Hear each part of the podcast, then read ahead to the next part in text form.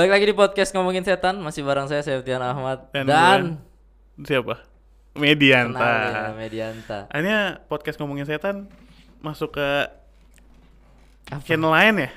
Masuk ke YouTube maksud gue. Iya bener bener karena kan di Spotify kebetulan kita udah meraup pundi-pundi Udah lumayan banyak lah ya. lumayan banyak banget. Lo penasaran di YouTube nih? Nah, Nah, gue temenin, mau, gue temenin. mau meraba ke platform lain. Yo, tanpa si itu gimana? ALM, ALM. Amit-amit ya. Enggak, enggak. Apri kan masih sibuk ngurusin penyanyi dangdut itu. Nah, Nah, tapi ya kita berharap untuk dia lebih sukses lagi lah ya. Iyalah, nanti kan kalau dia udah dangdut udah mulai nggak terlalu Jangan. Ya dangdut selalu pasti naik lah, karena kan di Indonesia harus melestarikan benar, benar, benar, budaya dangdut itu. Gue sih nggak dengar. bisa jadi Melayu naik lagi. Mi- Mungkin bisa, mungkin bisa, Ya kan? bisa Melayu bisa naik Bisa lagi. Jadi hijau daun reborn lu nggak mau dengar? Iya, padi, padi bukan Melayu. Iya. Tapi ya kan kan? kita nggak tahu ya. Tapi kita berdoa, kita selalu doa Hmm, untuk dia selalu terbaik ya. Wali reunion? Mungkin bisa. Bisa jadi kangen band nggak kangen? Ah, Ah. kok kangen band gak kangen? Gue nggak kangen sama kangen band maksud gue. Iya sih bener sih. Jadi Medi ini adalah siapa Matt? Lu di- mau diperkenalkan sebagai apa? Apa ya? Ya, Pekerjaan gua- lu apa sih? kerja kerja gue sehari-hari ya cuman ngurusin dunia permarketingan lah di salah satu klub bola di Indonesia yang baru masuk Liga 1. Eh. Liga 1 bukan Liga 2. Bontang dong, Bontang FC bukan? Persikabo. Ungu Oh cuy. iya ungu Rans. ya. Rans ya. Enggak lah. Gue dari Persita. Gokil. Berarti lu pulang pergi Benteng? Enggak. Enggak. Kantornya di sini ya? Kantornya di Gading Serpong. Eh pulang pergi juga lah. Kalau gua nggak nggak pulang, gua nginep. Iya benar. Enggak kan kalau home base-nya kan di Tangerang sana kan. Home base di Tangerang ya. Gue rumah gue di kebetulan di dekat studio ini. Jadi ya udah, gue pulang pergi tiap hari tektokan. Tapi Karena Gading Serpong kan. Gading Serpong. Pemandangan dan jajanannya masih normal. Masih normal. Lu coba eh, work from office tapi di yang Benteng dah. Kenapa? Kenapa emang? Kalau malam di belakang Tang City Hah? ada jablay dibayar pakai kangkung, sumpah. sumpah, sumpah, sumpah, sumpah, met. Lu pulang kayak agak malam, agak malam nih. Lu pulang lihat belakang Tang City itu ada pasar kan. Iya. ada ada penyanyi dangdut gitu, seronok gitu, dandanannya. Itu dibayar pakai hasil bumi. Be- Bener. Lu dari isu dari mana? Gue sering lewat. Kalau lu bilang benteng, stadion benteng maksud lo? Iya, Stadion Benteng. Nah, gua alhamdulillahnya nggak di stadion benteng. Nggak di situ. Karena stadion benteng kan udah punya persikota. Oh, Dan iya? kebetulan gua ngelihat sebelum dirapihkan ya, Hmm. Itu kan terbengkalai tuh. Parah, Lu tahu seremnya semana kan? Parah. Gue pertama kali ngelihat aja dari foto gue udah merinding tuh. parah. Nggak kebetulan AC di belakang gue kena kena tengkuk gue gue kedinginan merinding. Nggak tapi Daikin tuh satu p. eh jangan disebutin dia belum ini. Oh iya ya sorry sorry. jangan sorry. kayak gitu. Oh ini kan AC-nya masuk. enak nih. Boleh masuk. Boleh Karena kan masuk. di studio butuh ada studio ada AC kan. Betul. Masukin betul. aja nggak masalah. Kita kan Tiga sih masih kuat kita ya, tiga unit satu masih. ruangan kuat. Tiga ya. PK ya gue masih. Tiga Tiga PK PK. tiga unit masih bisa gue. Masih kuat sih gua. Nah ini sekarang gue udah di stadion Kelapa dua. Kelapa Dua. Nggak ada seremnya sih. Enggak serem ya. Tapi Pak. cukup merinding. kalau Kelapa dua sih setnya Transformer kan. Iya, Transformer tra- yang terakhir. Lagi Iya. ada tahu gue tahu tahu Itu kalau malam sih truknya Uh bagus. apa? bagus. Truk gandeng. Truk kan. Gandeng, gandeng. Pikiran gua truk jabat ini jabat tangan. Jadi malam ini kita mau cerita serem, Matt. Udah jangan Gue jadi sejujurnya gue sering dengerin kan gue sering kalau lu ngetek gue di sini kan. Ya. Ya, gue gue dengerin stay tune lah sama apa yang lu apa yang lu denger ceritain dan gue suka nggak kuat makanya gue suka keluar dari studio kan. Iya benar. Nah gila sih ceritanya sih nggak apalagi yang zaman zaman April pertama tuh. Hmm. Uh masih di komunitas itu, uh serem banget, serem banget ceritanya. Serem kan lo? Serem kan lo gak bahas gini? Serem kan lo? Lo lo sini anjing. Serem enggak enggak gua gua- Enggak. enggak gua biarin Pedi yang ngomong.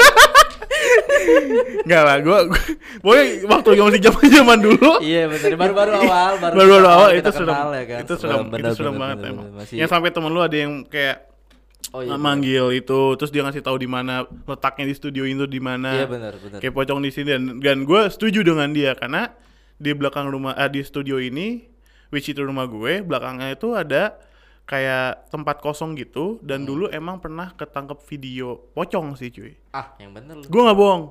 Kayak bayangan gitu aja Eh, atau dia kayak sekelebat tisu diangkat gitu loh, tau gak? Di belakang ini persis.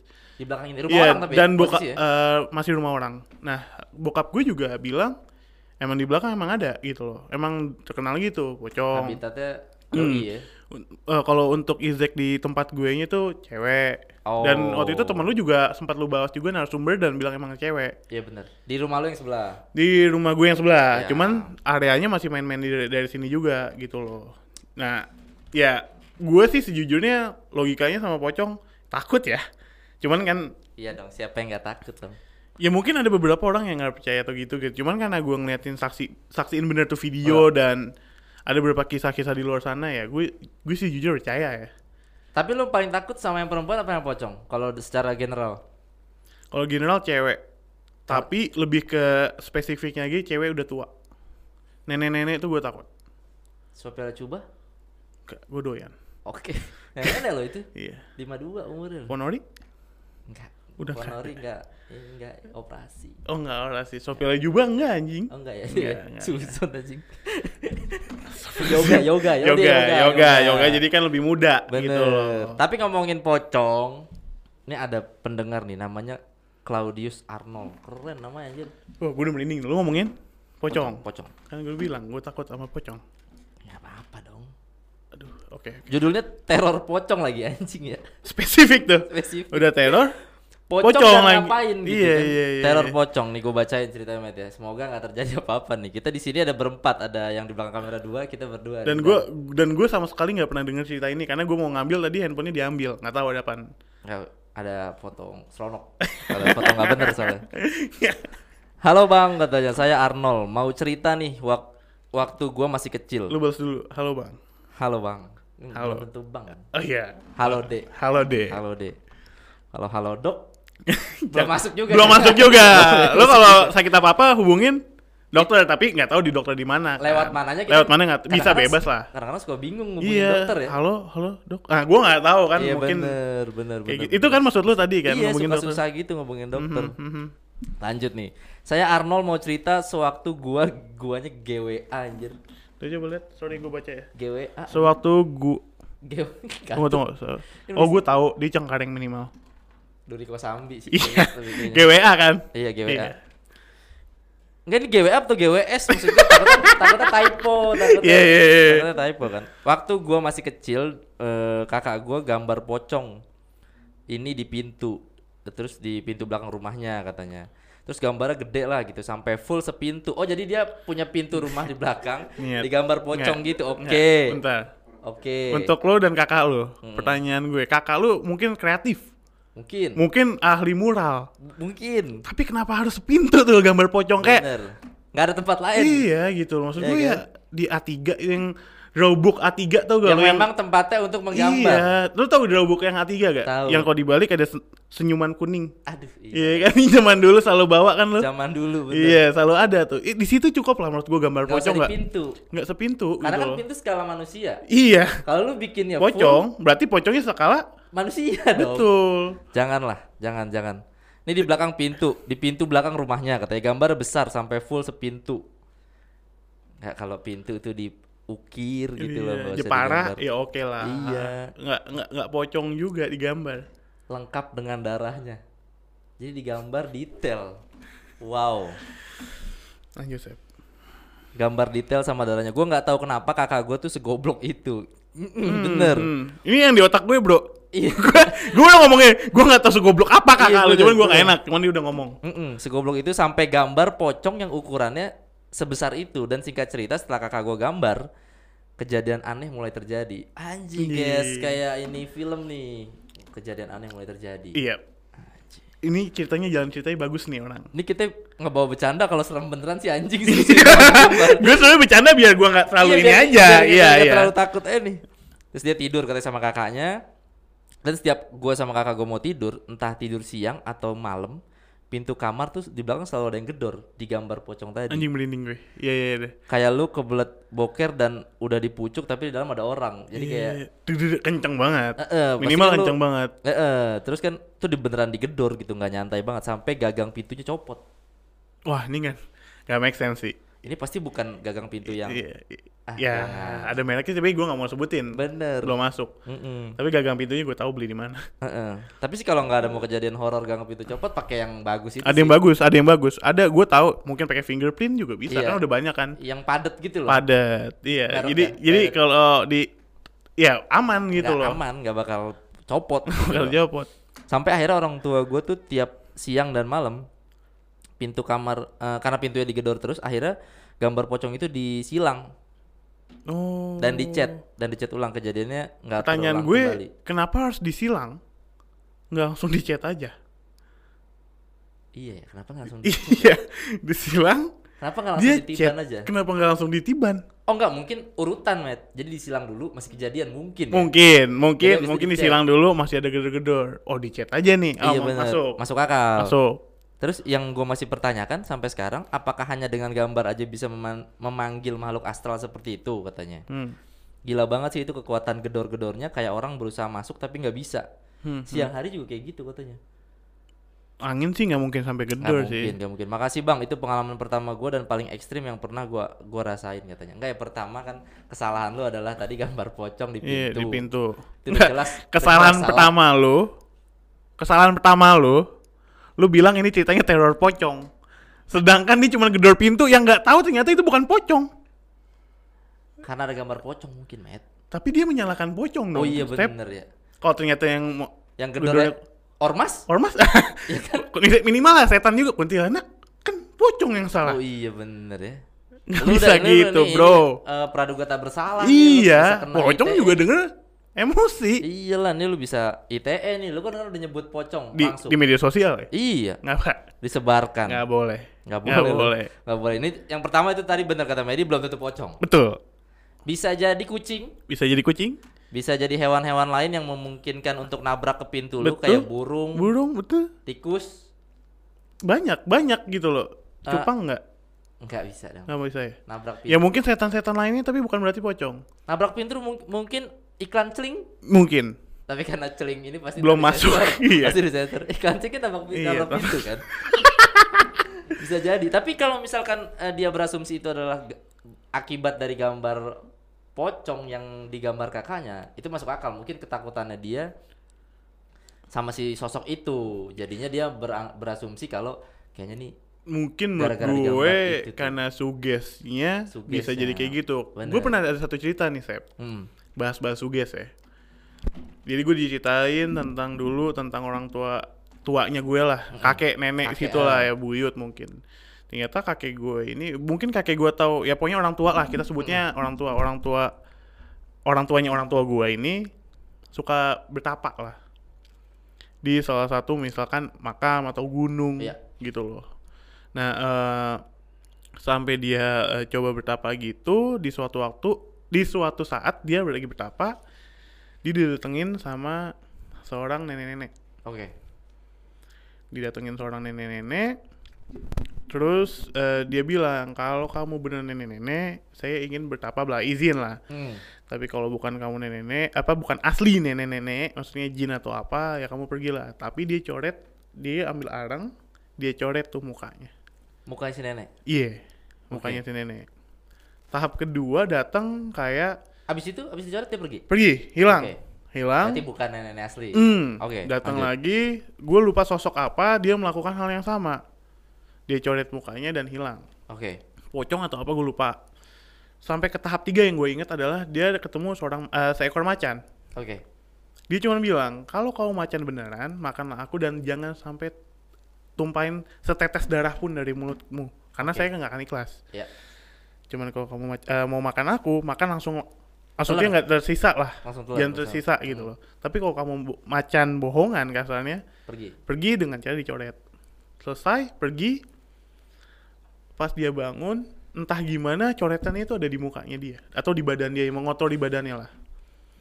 Nah di situ dia ngasih tahu ke bawahannya lah ke cucu-cucunya gitu. Dia bilang yang kamu lihat itu sebenarnya tidak ada. Cuman yang mendatangi kamu adalah rasa takutmu itu sendiri Oke. ngerti gak maksud gue jadi Dia nyoret wajahnya sendiri. iya jadi dia istilahnya dat istilah melawan rasa takutnya sendiri Oke. karena ada kemungkin ada kebu menurut gue ada kemungkinan lah setiap lu suges itu menjadi suatu kenyataan. Oh iya benar. Benar benar. Ini adalah konsep eh, jin atau setan yang banyak disalahpahamin sama orang-orang. Betul, karena ini berwujud sorry ya, oh, keluarga gue yang udah meninggal datang Nah, menuju sosok. Sebenarnya yang yang gue pelajarin tuh sebenarnya jin Iya betul. Jin yang meniru gitu. yang meniru. bukan si arwah dari mendiang gitu bukan Karena dari- karena lu tahu visualnya, jadi yang dikasih tahu visualnya itulah. Betul, karena betul. lu takut kalau istilah lu kenal lah. Gitu jadi loh. sistem kerja jin itu kan gitu Matt jadi lu dia menangkap frekuensi yang ada di otak lu Hmm. dia ambil si energinya Mhm. dia jadiin apa yang lu pikirin Nah, itulah kenapa setan di Indonesia sama di luar negeri beda betul. kan banyak yang ah masa di Amerika nggak ada kuntilanak gitu Mhm. ya karena dia nggak mikirin kuntilanak Iya, karena dia mikirin setan lain. Iya, dia mikirin kayak anak kecil yang serem, eh, badut yang Iya, menyeramkan. Iya, kayak gitu-gitu. Jadi itu yang dihadirkan gitu. Mhm. Jadi semua jin itu sebenarnya nggak ada bentuk pastinya gitu. Banyak orang yang yang ketipu, bukan ketipu ya, salah paham soal konsep jin. Jin ya kayak gitu. Dianggapnya pocong ya es pocong gitu. Iya, iya, iya, iya. Ya kalau lu anggapnya pocong sebagai pocong doang, ya kenapa dia nggak bisa menghantui orang yang lain-lain gitu. di Thailand deh gitu. Iya, iya, iya. ada. negara lain tuh nggak akan Heeh, bisa juga gitu. Bener bener karena pola pikir. Tapi setahu gue di Thailand tuh masih ada kayak semacam pocong gitu, ada cuma ada gue lupa hantu namanya. bungkus, hantu bungkus. Hantu bungkus kan. Hmm. Sebenarnya pocong kan konsep eh, makamin orang secara Melayu gitu-gitu Hmm, kan hmm. emang dipocongin. Dipocongin, gitu. Jadi iya. mungkin mungkin mirip-mirip lah gitu. Tapi Matt, menarik dari cerita eh, keluarga lu tadi. Mungkin mungkin nggak kalau kakek lu itu hanya menghibur cucu? Mungkin ya, mungkin. Iya. Yang dia coret adalah dia sendiri. Wow. Hobi. Enggak jadi enggak yang yang yang mendatangi yang mendatangi dia dan dia coret itu adalah emang bagian dari tubuhnya dia aja gitu. Oh, I see. Mungkin bisa, mungkin bisa. Iya kan? Gua nggak tahu ya. Hmm. Cuman emang terkenal orang ini suka untuk melakukan kayak gitu loh, Ah, untuk menguji nyali. Mungkin zaman dulu kan belum ada kamera ya, Ya, ya, ya. masih pakai manual tuh sendiri aja gitu nguji nyali ya. Menurut gue, Dan lebih otentik tuh dukun-dukun. Lebih otentik. Bukan dukun ya, maksudnya orang-orang yang seperti itu menurut yang gue orang-orang zaman dulu lebih serem gak sih? sampai sekarang sebenarnya masih ada orang-orang yang Cuman kita, melakukan Iya, itu. iya, iya. Tapi memang ya itu nggak ada kamera, nggak ada apa segala macam. ya bahkan waktu itu lu pernah bawa komunitasnya, setahu gue. Komunitas yang eh, yang selalu ngelakuin astral astral apa-apa gitu, yang nyari-nyari hantu gitu lah. Oh iya iya. iya, Anu ngeragan ya apa sih? Mm, mm, mm, mm, ini eh, padepokan gitu. Padepokan gitu Ah, kan. Itu kan gila. Gila. Gue baru tahu dari lu gitu, dari Iya, orang itu bawa dan dia juga mengiyakan gitu. Ternyata memang ada komunitas seperti ini. Jadi sebelum ada kegiatan mendaki gunung oleh oleh para mapala, eh, Hmm. pencinta alam segala macam, yang udah ngedaki gunung duluan itu para peziarah dan para yang bertapa-tapa itu. Iya, iya. Mereka naik nggak bawa apa-apa, cuma sampai atas gitu, buka jalan Hmm, lah gitu, kasarnya buka jalan, ya udah turun lagi. Jadi kalau misalkan hmm, anak gunung sekarang berasa keren gitu nggak keren. lu, keren. Lu Nggak belum keren lu. bertapa.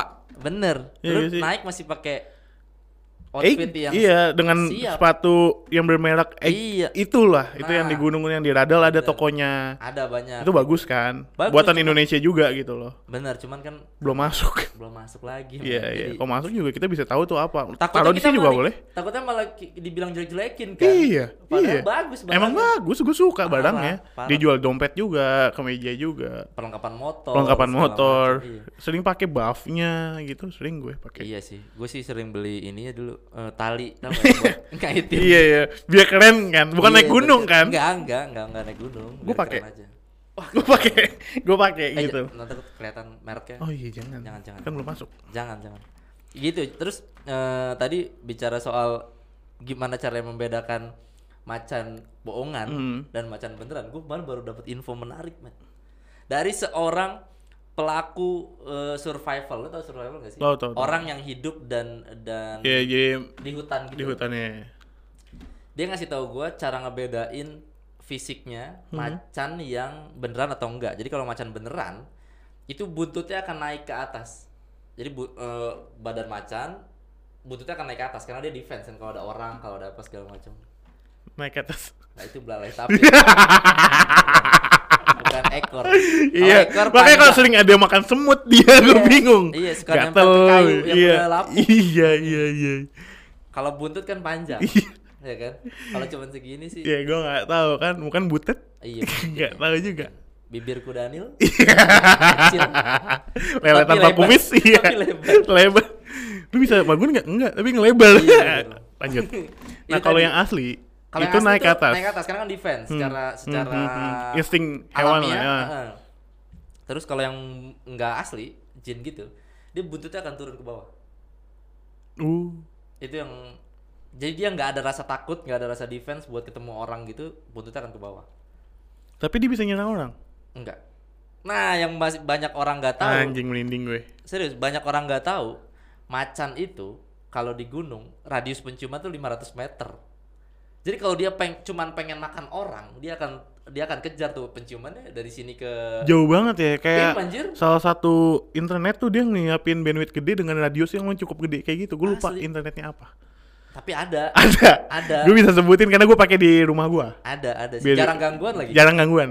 dan kalau hujan gitu nggak Nggak kenapa-napa karena dia pakai fiber optik. asli asli, asli. Namanya apa? Gue lupa deh. Mungkin karena dia belum masuk kali ya.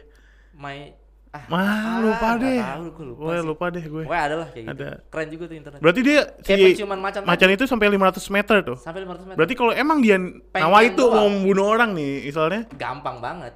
Jadi trek trek pendakian gunung gitu kan eh, dari 500 meter dari Mhm. sejauhnya itu bisa dikejar aja langsung kan. Tapi kan enggak. Oh, iya, Jarang pendaki gunung kemakan ma- dimakan sama macan. Karena emang dia tuh nggak pengen, dia tuh nggak ada rasa Dan setahu gue yang gue pelajarin ketika ada hewan yang memakan manusia ya sampai mati nih, maka hewan itu akan sial katanya. betul. Salahin gue kalau emang salah lu tulis di kolom komen, kali ya. Atau ada yang punya cerita Ada tentang yang cerita tentang hewan-hewan Iya. atau tentang horor di hutan lu ceritain deh. Tapi lu tau nggak kalau buaya di Kalimantan abis makan orang giginya pasti retak. Dia udah nggak nggak akan bisa sekuat aslinya. Iya dan dia merasa sial setahu gue. Udah pasti retak. Pundung, pundung gitu kayak hewan pundung yang diem doang tau. Iya iya iya hewan ngambek gitu udah. Iya, iya. Udah udah kayak gitu terus. Kayak gitu. Jadi macan itu 500 meter dan kalau cuman dia mau makan doang, dia pasti kejar dong. Hmm. Tapi kan enggak jarang gitu. Nah, makanya me- konflik sama macan di pendakian tuh agak jarang. Dan kalau lu pada yang suka pada naik gunung segala macam, ini gue dikasih tahu sama yang survival tadi ya. Eh, cukup diem doang. nggak bisa ngapa-ngapain lagi. Udah diem aja. Kalau ketemu macan beneran. Iya. Kalau ketemu macan-macanan, Berdoa. Udah diem aja berdoa juga. tiba-tiba ada lu tau gak macan jejak kakinya selalu ganjil Ajik ini menarik banget sih Sumpah Macan met Kan kakinya empat Oh, oh, dia selalu ganjil karena langkahnya di titik yang sama bukan? Iya jadi misalkan Satu, dua, tiga, empat, lima. Pasti pasti ganjil Nah langkah berikutnya dia biasanya lompat ke mana nggak tahu kanan kiri atau gimana gitu Oh. Pasti ganjil Tujuh gitu Pasti ganjil Yang genap itu macan kumbang eh, Jaguar gitu-gitu yang yang di pohon gitu-gitu Baru tuh dia tuh dua, dua atau Eh. empat. Tapi kalau ganjil, lu misalkan lagi di jalan gitu ya, lagi mau di hutan mau ke mana gitu, coba ada jejak kaki kucing mungkin lu ngiranya kan, ah kucing nih lucu banget. gitu. Tapi cuma ada lima, mending jangan sih. Iya, enggak. Mending Ternyata telapaknya kaki kayak sepatu itu ternyata trio macan. Ya, Ya, anjing masuk ke hutan ada yang dangdutan. bener. Misalkan lu eh, ada cerewet-cerewet gitu di Iya. tengah gunung, cici-cici pakai lagi Iya, macan. jangan. jangan, jangan juga tuh. Daging macan juga nggak. Ini biasanya dialsut tuh. Jangan, jangan. Jangan. dialsut tuh. Ditawar lu ntar. Ditawar dia. Jangan, nah, jangan, jangan, jangan. Minyakan itu. gitu tadi itu gue dapat banyak tuh pas eh, apa diceritain sama si survival tadi Lu bisa undang gak sih survivalnya? nah itu Kalau banyak request mungkin bisa kali ya. pengen tapi dia tuh nggak pengen ada kamera gue tuh ngobrol berjam-jam di kaki gunung sama dia Pakai kamera yang di sini aja. aduh Di hati. Iya, nangkepnya cerita pakai mata, maksudnya lu ceritain. gue mau ajak ke Indomaret Iya. biar, biar ketangkap CCTV Iya. Ngobrolnya di CCTV ya, iya. Tapi orang-orang kayak gitu kadang-kadang emang nggak mau di show ya. iya nggak mau sih dia itu udah 80% nginjekin di puncak gunung yang ada di Indonesia jadi sisanya tuh yang gunung-gunung yang belum kebuka jalurnya aja yang belum pernah dia datengin ngeri nggak lu Jadi dia yang bukain jalur tuh. Se- di Sulawesi sebagian besar gunung dia yang bukain jalur. Oke. Ngeri. Ada yang satu gunung katanya 12 hari, Met. Jadi enam hari naik, enam hari turun. Gue bilang ngapain di hutan enam hari? 6 hari. enam hari. 12 hari dong totalnya. Iya, total enam- 12 hari. Jadi nggak ada itu posisi nggak ada jalan ya. Jadi lu lu nerabas pohon-pohon aja gitu. Anjing. Ngapain? Ngapain? Gue nggak tahu ya orang kalau emang my life is my ad- adventure ya itu kali ya. Asli. asli. Itu gila sih. Tapi orangnya kayak gimana? Udah tua kah? Orangnya 48 tahun tapi 2 tahun yang lalu naik ini 23 gunung 16 hari. anjing ya. 48 umur anjing. Lu berapa? 40 belum aja. Eh, Jalan kaki. gue baru naik dua gunung. Satu gunung yang sama, Gunung Agung. Ya, Ya, setahun dua kali gue. gue ke Gunung Sahari juga nggak turun lagi. Iya, ya? Cuman parkir doang. Parkir doang, iya Gunung iya. Sahari. Gunung Agung waktu itu. Lantai 3 tuh di Iya, iya. Sleepy Jaya. Sleepy Jaya. Enggak, tapi itu alik sih, 48, 48 tahun. tahun. Dan dia hidup memang dari ber- mendaki gunung itu. Jadi dia tuh sering dibayar sama eh, sering dibayar sama brand gitu untuk nancepin eh, benderanya di puncak-puncak gunung. Ya, kita juga bisa kok nancepin brand di obrolan kita ini asal brandnya masuk ke kita gitu loh. Bener. Kita kan ca- tancepin. Ya Kita- tapi next kita time butuh loh tempat tisu yang ada stikernya itu. butuh. Iya kan? Sama gua aus nih, ju- juga ada minuman. Asli. Gue butuh iPad background hijau sih. Eh, tunggu tunggu. Lu tadi ngobrol ngobrol banyak sama yang yang gunung itu kan? Masih banyak yang harus diceritain kan? Banyak. Di naik di nanti aja kita ceritain lagi kali ya. Oke, kalau gitu.